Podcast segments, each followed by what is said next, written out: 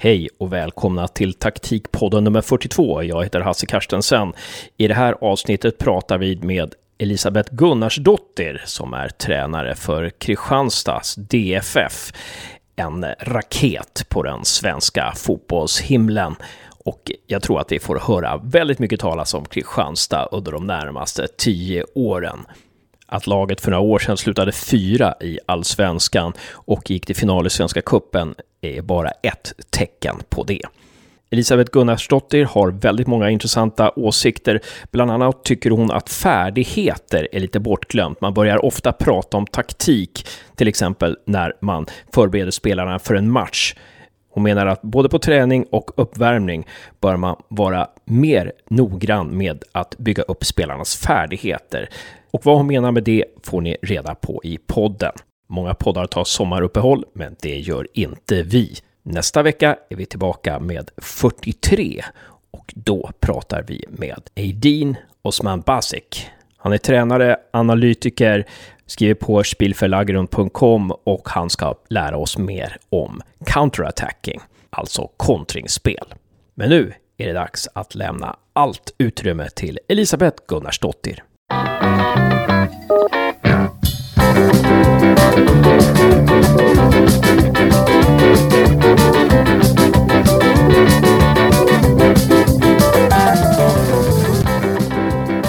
välkommen till Taktikpodden, Elisabeth Gunnarsdottir. Tack så mycket. Det är himla kul att du är med i Taktikpodden. Ja, vi har hur många frågor som helst. Så att hade vi kunnat så hade vi nog gjort ett sex timmars program med dig här. Men nu, vi ska försöka hålla oss inom 25 minuter ungefär. Och eh, stort välkommen också Josef! Tack så mycket! Vi börjar någonstans. Vi gör ett dåligt försök Elisabeth, så bara kastar vi oss ut någonstans och så ser vi var vi hamnar. Om vi börjar så här, alltså du har ju vunnit den isländska ligan med, med Valur flera gånger. Du har tränat landslag. Du har sedan 2009 tränat Kristianstads DFF och gjort dem till ett topplag i eliten. Ja, man kan väl säga att det är en förening som verkligen känns så, som framtiden i svensk fotboll. När du började som fotbollstränare så började du som 16-åring vad jag förstår. Du började med att träna ett ungdomslag på Island. Och då har du sagt i en intervju där att du först influerades av en ryss eh, som dessutom var handbollstränare. Och det där är ju himla intressant. Så vad tog du med från handbollen till fotbollen? Ja, precis. Det är nog ovanligt tror jag, men eh, det var nu så här att jag spenderade väldigt mycket tid eh, inne, i, eh, inne på idrottsanläggningen i min moderklubb och där har man tre sporter. Man har handboll, man har basket och man har fotboll. Och jag kunde hänga där i, i flera timmar från eh, morgon till kväll på helgerna på, eh, direkt efter skolan och så tog jag sista bussen hem. Så eh, jag satt och, tänkt, och tittade på en massa träningar eh, i de olika, inom de olika sporterna och jag fastnade väldigt mycket för Boris som är en rysk handbollstränare som eh, tränade många av Islands bästa handbollsspelare eh, genom tiderna. Och eh, där såg jag många intressanta grejer som jag ville eh, ta med mig till fotbollen. Vad gjorde Boris eh, som var så intressant? Det var nog uh, det sättet han jobbade med individerna på. Han, alltså han tränade dem uh, mycket individuellt, hade uh, väldigt många extra träningar med spelarna med, utifrån positioner. Ehm, hittade på verkligen så nya grejer som, som ingen hade sett. Vågade testa saker utifrån väldigt så här in, utifrån individen. Han hade kanske en, en ovanligt lång spelare i högerhörnet och, och då testade han nya grejer med den spelaren som ingen hade sett. Men det var bara för att han hade vaknat mitt i natten och, och fått en idé, skrivit ner den och så gick han ut, ut på handbollsplan och testade. Det var, jag har haft många intressanta samtal både med honom och spelare som han har tränat och fick, eh, det har format mig väldigt mycket eh, alltså hur jag jobbat med individerna. Var det någon sån här taktisk grej som du lyfte från handbollen till fotbollen direkt? Eh, vad du kan minnas? Ja, kanske först och främst hur, hur, eh, hur de lägger upp sina träningar. I, ofta så, det är väldigt intressant med handboll att i hur de lägger upp sina träningar så så hela uppvärmningen och första 30-40 minuterna av en handbollsträning är ju väldigt mycket eh, det, det, man gör i matchen. Alltså det är ju, det är ändå färdighetsövningar men det, det är exakt det man gör. Man rör bollen mycket, det, det är mot, mottagning, passning i, i riktning mot en position, spelare, spelare. Men det är mycket färdighetsövningar. Jag har verkligen varit väldigt fast i eh, sådana grejer Eh, från den tiden. Även om fotbollen har ändrats väldigt mycket till att det ska vara eh, så nu pratar jag egentligen emot din fråga, men det här taktiska. Jag vill inte bli övertaktisk. Alltså att allt ska handla om spelet fotboll från minut ett i träningen till att du avslutar träningen. Jag vill, eh, jag vill ha mer momenten spelaren rör bollen, ska ta emot den, ska passa den, ska skjuta den. Och sen vill jag väva in tävling i väldigt mycket, många moment. Mm. Det var intressant tycker jag att du lyfter det ordet färdighet. Det, det har inte nämnts så mycket i taktikpodden hittills. Det, det var spännande. Jag, jag tänker på här handboll tänker jag att man jobbar ju mycket med rotationer och platsväxlingar och sånt där. Och det är ju lite Bielsas eh, så här. Det har ju blivit Bielsas specialitet. Det har ju blivit någonting så här, de senaste åren någonting som man ska göra i fotbollen. Eh, eh kan, kan du se en parallell till handbollen där eller? Ja, ja absolut. Och det är ju lite det här. Det är egentligen det är mer färdighetsövningar fast det är ändå kopplat till det taktiska. Um, allt från att du kan jobba med, med växtspel till, uh, till överlapp och, och så här. Det gjorde man mycket mer förr i, i första delen av träningen. Jag tycker att man plockar bort uh, de här typerna av övningar för mycket idag. Att det ska vara helst från Eh, 50 minuten i träningen så ska man redan ha börjat jobba med spelet 11 mot 11. Att man eh, att man ska helst ha sju, åtta positioner i den övningen för att man ska göra allt i, eh, i förhållande till matchen. Jag förstår. Jag tänkte på det du sa där innan att du inte bara ville att fotbollen skulle vara eh, så taktisk från minut ett till eh, ja, varenda träning. Vilka dimensioner vill du lyfta fram också som är viktigt? Nej, men nu tar jag ju provutbildningen här i Sverige och eh, och jag har ju känt att det har mycket som har krockat mot mina värderingar och i, i och ledarskapet och hur, hur man tränar ett fotbollslag. Och det har varit väldigt bra för mig för att de krockarna har ju varit lite där jag behöver jobba mer med, med vissa saker men ändå så vill jag ändå försöka påverka att det inte blir för mycket taktiskt. Passar perfekt att sitta i en taktikpodd och Ja, det är bra. Eh, att det inte blir för mycket som man säger på de svenska tränarutbildningarna, spelet fotboll i, i allt man gör. Och det har jag sagt flera gånger när jag sitter med min grupp på uh, proutbildningen. Det är att jag vill få in de här färdighetsövningarna mycket mer och det är ju allt från uppvärmning till eh, passningsövningar till eh, snabbhetsövningar att man verkligen tränar snabbhet i en färdighetsövning. Själv är jag utbildad eh, idrottsfysiolog också så jag brinner väldigt mycket för den delen. Um, och jag har i alla fall sett under den tiden som jag har gått igenom tränarutbildningen här i Sverige att man, man vill ju helst ha hela uppbyggnadsfasen, eller vad, eh, uppvärmningen helt enkelt. Det är att man ska ju göra saker själv i omklädningsrummet. Spelarna ska ju ha hand om en del av uppvärmningen själva. Så ska de komma ut på planen och då är de klara för att, att köra en, eh, en passningsövning eller helst ett spel 11 mot 11 och alltid kopplat till, till spelet och vi ska direkt börja diskutera de olika delarna i spelet. Jag är inte riktigt där. Jag vill fortfarande ha kvar den här första 15 minuterna i passet. Vill jag att det är en isolerad uppvärmning. Sen kan man ta in passningsövningar, man kan ta in eh, ja, olika övningar. Det kan vara någon form av eh, possession. Men jag vill inte börja diskutera att eh, wingback ska röra sig så här och forward måste komma här och då springer du dit och, eh, och jag har ju sett flera träningar i Sverige idag i den här moderna fotbollen där, där alla gör väldigt likt. Det blir ju det här nya att, man ska börja jobba med spelets skeden direkt i minut fem.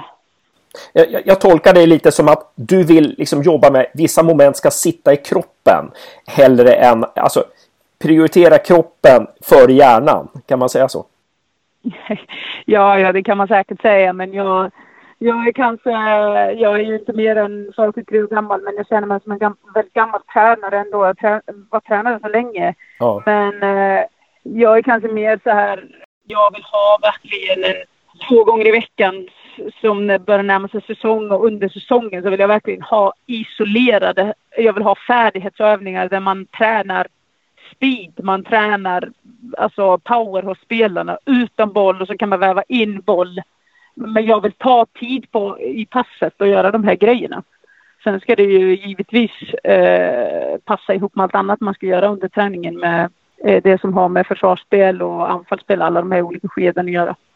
Ja. Men jag tycker att man har tagit, jag tycker man har tagit bort lite det här att röra bollen ofta också. Att man gör eh, färdighetsövningar passningsövningar. Det kan absolut vara kopplat till positioner och förhållande till andra spelare men att man får röra bollen ofta, passa, eh, springa, ta emot, växtspela, överlappa och så vidare. Jättebra. Alltså, vad, vad, kan den svenska tränarutbildningen lära av den isländska tränarutbildningen? Ja, det, det, tycker jag nog absolut är den här att man tränar. Jag kan nu kanske dela det i två delar först och främst. Och det är ju att att man, man tävlar mer. Absolut, tycker jag det. Att man, att man lär spelarna att tävla i unga åldrar. Och, att, att i, och det kan man göra i olika övningar. Det behöver inte bara vara i, i spelet. Men det är ju, jag tycker man tar bort det lite i svensk fotboll. Att det är viktigt att vinna. Och på Island är det verkligen vinna, vinna, vinna sju dagar i veckan i allt vi gör. Eh, jag tror att det kommer lite från en mindervärdeskomplex att vi är ett litet land. Eh, bara 320 000 personer som bor på den lilla ön men man vill ändå vara bland de bästa i världen. Och för att kunna lyckas med det så, så, eh, så hypar vi själva tävlingsmomentet väldigt mycket i olika övningar och egentligen i allt vi gör. Så jag, eh, jag gillar det här att man, man sätter en tävling i uppvärmning även om det bara är en, en lätt passningsövning så kan man göra det med två, tre grupper och så, och så tävlar man mellan grupperna. Så börjar man göra det i en helt annan hastighet och, och det blir mer matchligt också för att det är en tävling. Eh, det tycker jag att eh, man gör väldigt bra på Island. Man lär barnen att tävla tidigt och våga tävla, våga vara bäst. Eh, här, här i Sverige gör vi lite tvärtom. Man, man börjar med tävlingsmoment lite för sent, tycker jag. Eh, den andra grejen är kaosmomenten. Det är att, att träna kaos, att träna det som man har inte planerat för att kan hända. För att eh, en 90 minuters match är ju så att vi vill ju spela på ett visst sätt. Och man tränar ju för att man vill, när man har boll så vill man ha bollen på det här sättet. Man vill få bollen in i de här ytorna. Vi vill skapa målchanser på det här sättet. Vi vill förhindra eh, målchanser emot oss på, på ett visst sätt. Men 50 procent av matchen är ju inte som vi vill. Nej. Eh, det kommer ju kaosmoment, allt från att vi får rött kort och en man mindre eller till att man ligger under efter tio minuter i en match eller att man får en, en sjuk eller skadad spelare precis innan matchstart och till att man kan sitta i bussen på motorvägen och komma till matchen alldeles för sent jag känner i Sverige så, så kan man stressas upp väldigt mycket av sådana moment och ha svårt att hantera dem. Kontra Island så känner jag att kaosmomenten hanterar islänningar mycket bättre. Det där är ju jätteintressant. Att du, att det, det, var faktiskt en fråga vi hade. För vi har pratat lite med, när vi pratade med Caroline Sjögren och Jonas Munkvold så pratade vi också lite om det här kaos. Eh, så du svarade på den innan vi hade ställt frågan. Så det var jätteintressant det där. Eh, verkligen. Tävling, mer, tä, eh, mer tävling och mer kaosträning eh, helt enkelt i, i svensk fotboll. Men om vi ska komma in på det här med, alltså du har ju varit tränare i Kristianstad i mer än tio år nu kan man, om du jämför dina första taktiska principer med de principer som du jobbar med numera, kan man, hur, bli, hur, ja, hur, hur har dina, din syn på principer förändrats med tiden? Och det har ändrats jättemycket. Eh, jag tror att jag nu har blivit taktiskt mycket, mycket bättre efter att jag kom till Sverige. Det är lite där det brister i den isländska utbildningen. Jag tycker att eh, både tränare och spelare på Island saknar lite taktiska kunskaper. Och ehm, eh, när jag kom hit så då var det nog mer att de första åren med Kristianstad handlade väldigt mycket om att ha starkt lag som en grupp, att man eh, kunde gå själva mot världen och ändå lyckas lite för att det var ju lilla klubben mot de stora klubbarna. Sen så har jag nu, eh, eh fotbollen har ju också ändrats mycket Eh, och blir ju mer och mer taktisk med, med givetvis bättre tränare där ute i världen och lag som har lyckats väldigt bra, framförallt på här sidan med väldigt bra taktisk fotboll med mycket possession. Eh, väldigt så här eh, tydliga inramade principer och det är det man har, man har tittat mycket på senaste åren och lärt sig väldigt mycket. Så för min del så, så har jag blivit mycket mer strukturerad i det eh, jag vill. Man, man har väldigt så här, tydlig idé i huvudet på hur man vill spela fotboll men det, den, den är en jäkla konst som tränare att att få fram sina idéer till en spelartrupp och till en ledarstab som man jobbar med. Eh, kollegorna, allt från eh, medarbetarna, alltså assisterande tränare, målvaktstränare till spelarna, att förstå vad jag vill få ut. Det, det är konst tycker jag. Och där har jag lärt mig väldigt mycket. Att man kommer ingenstans ensam. Man behöver ha eh, alla med sig. Och eh, den strukturen är nog väldigt viktig. Och sen till vad som händer inne på plan så är nog principerna framförallt i, i anfallsspelet har blivit helt annorlunda jämfört med för några år sedan. Jag tror jag är ganska så är kvar i principerna i försvarsspelet även om man har byggt på en massa. Är det, är det någon princip i anfallsspelet som du kan delge oss som du, som du, som du inte tummar på liksom? Någon som måste vara med? Nej, i anfallsspelet så eh, jag är fortfarande väldigt mycket för att inte eh, planera allt för mycket. Eh, inte från att hur du spelar bollen från målvakten och hur du ska göra målet. Jag vill ha kvar spontana egenskaper från spelarna.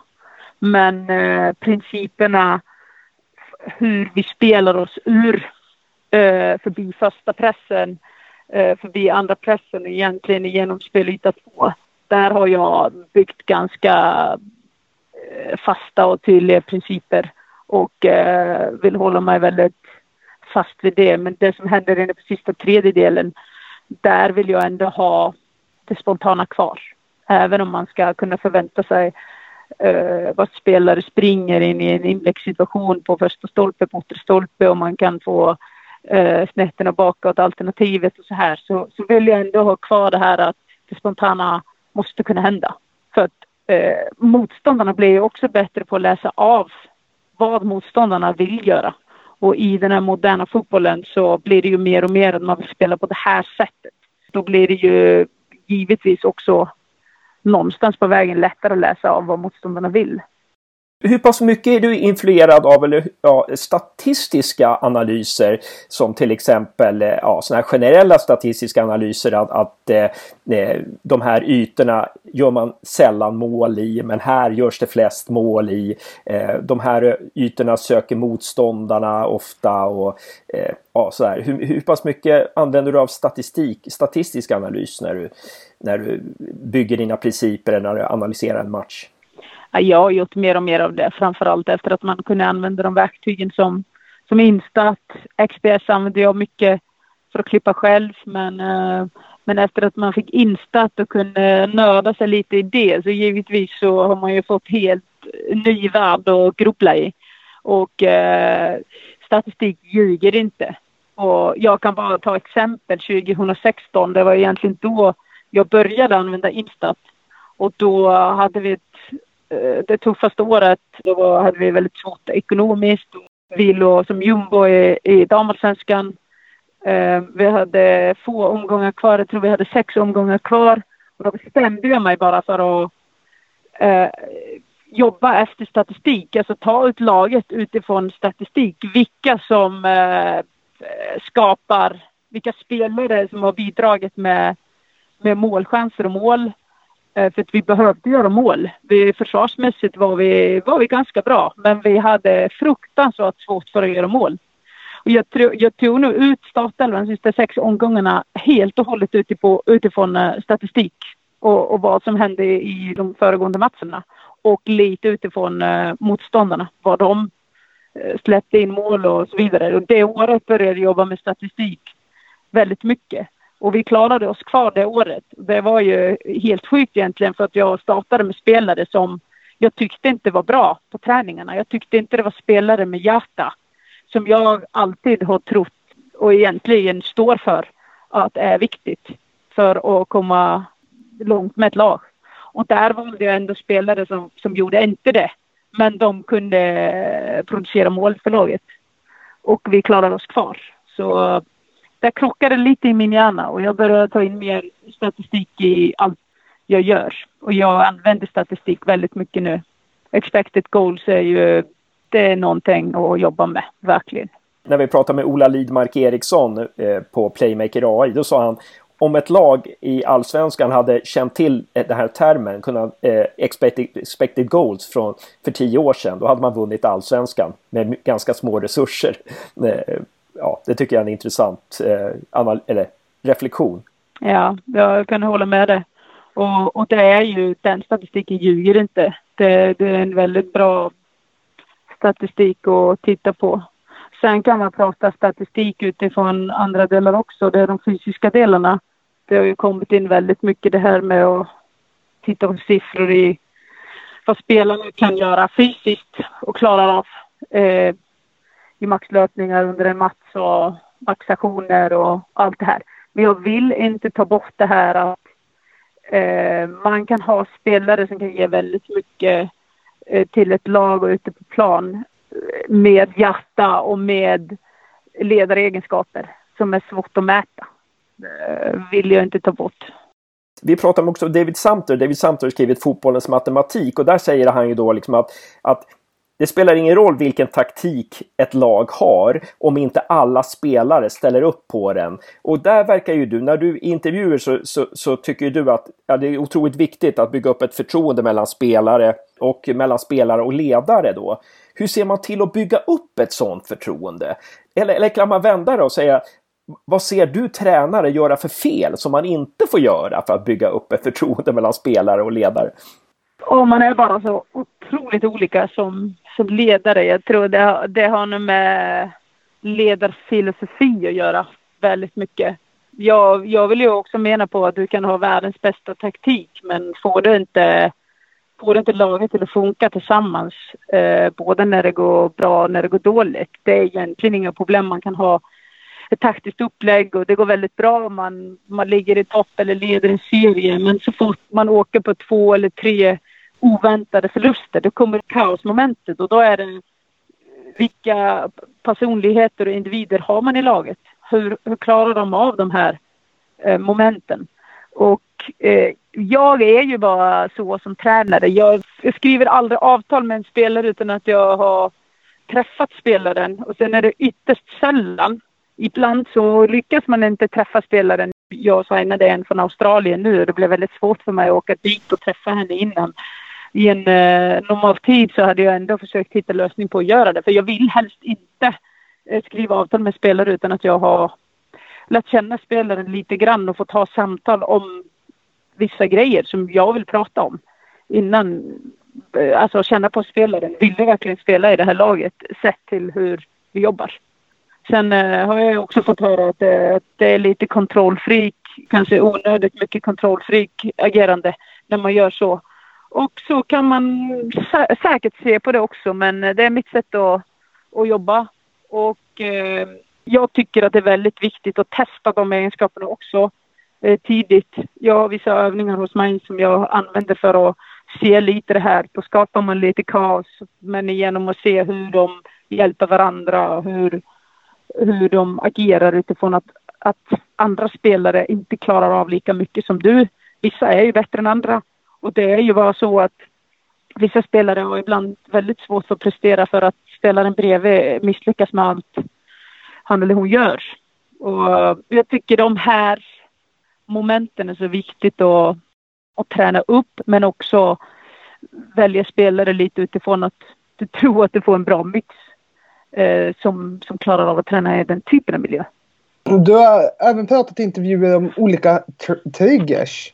Eh, vad är en trigger och eh, hur många triggers kan man ha som ett lag? Oj, det är nog svårt tycker jag att svara på hur många triggers man kan ha. Eh, man kan säkert ha hur många triggers som helst men sen eh, eh, tror jag att man ska begränsa dem eh, så mycket som möjligt så kan man ha lite olika triggers eh, utifrån motstånd. Men eh, jag tror att det är viktigt att ha träna upp eh, triggers som tränarna känner väl till och alla känner till oavsett vilka som är på plan.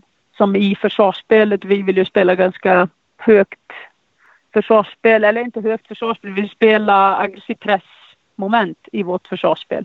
Jag tror att det är väldigt viktigt att ha det klart för sig. Möter man en fyrbackslinje eh, och bollen spelas från exempelvis en mittback till en ytterback Eh, då får ju triggern där ändå vara beroende på om det är hög position på, på ytterbacken eller en låg position på ytterbacken. Eh, om det kommer en mittfältare eh, ner i, i ytan framför backlinjen eller inte. Det är ju väldigt, det kan vara en trigger men den är det beror på positionen på spelarna runt om. Sen ska jag inte gå in på exakt vilka principer vi har i våra triggers för då avslöjar man lite för mycket. Precis, precis. Det, det, får du skriva i din självbiografi sen. Vi får se. Du har sagt i en intervju att, att du skulle vilja träna ett herrlag i framtiden. Um, och, och, du har sagt, du sa då i en intervju att när du tittar på en del herrlag så, har du, så kunde du direkt se saker du skulle kunna förbättra, till exempel uppvärmning och gruppdynamik. Där. Vill du utveckla det? Ja, jag har aldrig sagt att jag, att jag direkt skulle vilja Eh, gå in och vara en huvudtränare för ett, ett herrlag. Men jag skulle nog vilja vara en del av en eh, tränarstab i ett herrlag. Så, eh, någon gång. För jag, och det är framförallt nyfikenhet hos mig. Att eh, jag är så nyfiken på att se eh, om om det går att, att jobba med vissa saker som jag upplever att det är lätt att jobba med eh, när man jobbar med tjejer. Men jag inbillar mig att det kan vara svårare med killar. Och det är eh, sådana grejer som moment där domaren kommer och, och, allt går åt skogen. Du börjar gnälla över saker som inte som är helt onödiga. Jag sitter ju och tittar på herrmatcher här i Kristianstad. Nu är det ju inte högsta divisionen, så det är lite det jag menar. Jag hade velat se om man hade tränat ett division 1-lag eller division 2-lag, om hur mycket det hade gått att göra med ett sånt lag om man bara hade fått en disciplin och, och den här gruppdynamiken, att vi gör det här tillsammans. Och, eh, jag, jag får inte ihop hur man kan ta sig tröjan för att fira ett mål i division 1 eh, i en match som eh, inte ens vunnen. Och så åker man på en avstängning och det här skulle ju aldrig hända inom damfotbollen. Man har en, en helt annan typ av jag vet inte, jag skulle vilja säga disciplin, men det kanske och andra säger till mig det, vi lever oss in i matchen på ett annat sätt än vad ni gör. Det har, det har med respekt att göra, det har med ledarskap att göra. Att man, man kan inte acceptera att, att folk håller på på det sättet. Och, eh, och jag tror bara att det ena leder till det andra. Då beter man, man beter sig bara som man, man vill egentligen istället för att lyssna på hur, hur man ska, eh, vad man ska förhålla sig till. Ja, det är, det är nog många grejer som jag kan säga att jag hade velat eh, testa och jobba med. Och det är inte rent fotbollsmässigt. Där tror jag att de minsta problemen är ska bli otroligt spännande att följa dig i din karriär här nu. För jag tror säkert att det är många lag som kommer att... Eh, jag antar att det är många lag som kommer som rycker i dig eh, eh, från och till här. Nu ska vi ta eh, den sista frågan här då. Om, om du hade en tidsmaskin eh, som kunde åka tillbaka med tio år i tiden. Vilken insikt skulle ta, du ta med dig bakåt i tiden som du hade behövt då? För tio år sedan hade jag velat ha varit insett den här vikten av att analysera och eh, ge feedback till spelare och till de olika lagdelarna. för tio år sedan så det hade varit intressant att se hur långt man hade kunnat komma om man hade insett vikten av den här delen. Och att göra medarbetarna mer delaktiga i det jag vill få ut. Eh, man eh, blir väldigt fast ibland i att hålla det för sig själv och är inte medvetet. Jag hade velat eh, ha använt mina medarbetare på ett bättre sätt för 10, 15, 20 år sedan. Jag tror att det hade kunnat få ännu mer ut. Stort tack Elisabeth Gunnarsdottir för att du ställde upp i Taktikpodden. Eh, oerhört intressant det här och vi fick många saker att tänka på. Lycka till framöver och hoppas säsongen kommer igång snart och att det blir en lyckad säsong för Kristianstad. Tack själva! Och bra jobbat Josef! Tack detsamma Hasse och tack Elisabeth! Tack själva!